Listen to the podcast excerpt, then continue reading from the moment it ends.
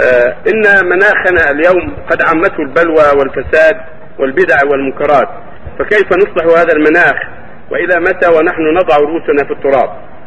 المناخ محل العمل ومحل الدعوة ومحل التوجيه.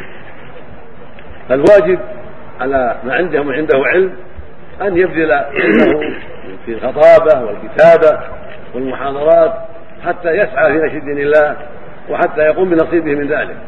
ولا يضع رأسه في التراب ولا يخفي نفسه.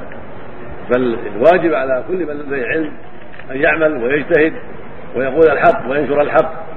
وقد وجد بحمد الله الآن من يقوم بهذا ومن يسعى لهذا في دول كثيرة وفي أماكن كثيرة. يسعون لنشر دين الله ويتعلمون ويتفقهون في كليات لا تعلم الدين بل تعلم الهندسة وتعلم الطب وتعلم كذا وكذا وظهر بين طلابها طلاب أخيار ينشدون دين الله وينصرون الحق ويدعون إليه. فضلا عن الطلاب الذين يكونوا في كليات أخرى كليات الشريعة وأصول الدين وكليات الدعوة إلى غير ذلك. ونشأ آخرون ليسوا في كليات بل تعلموا في المساجد وتعلموا من أهل العلم وقرأوا كتاب الله.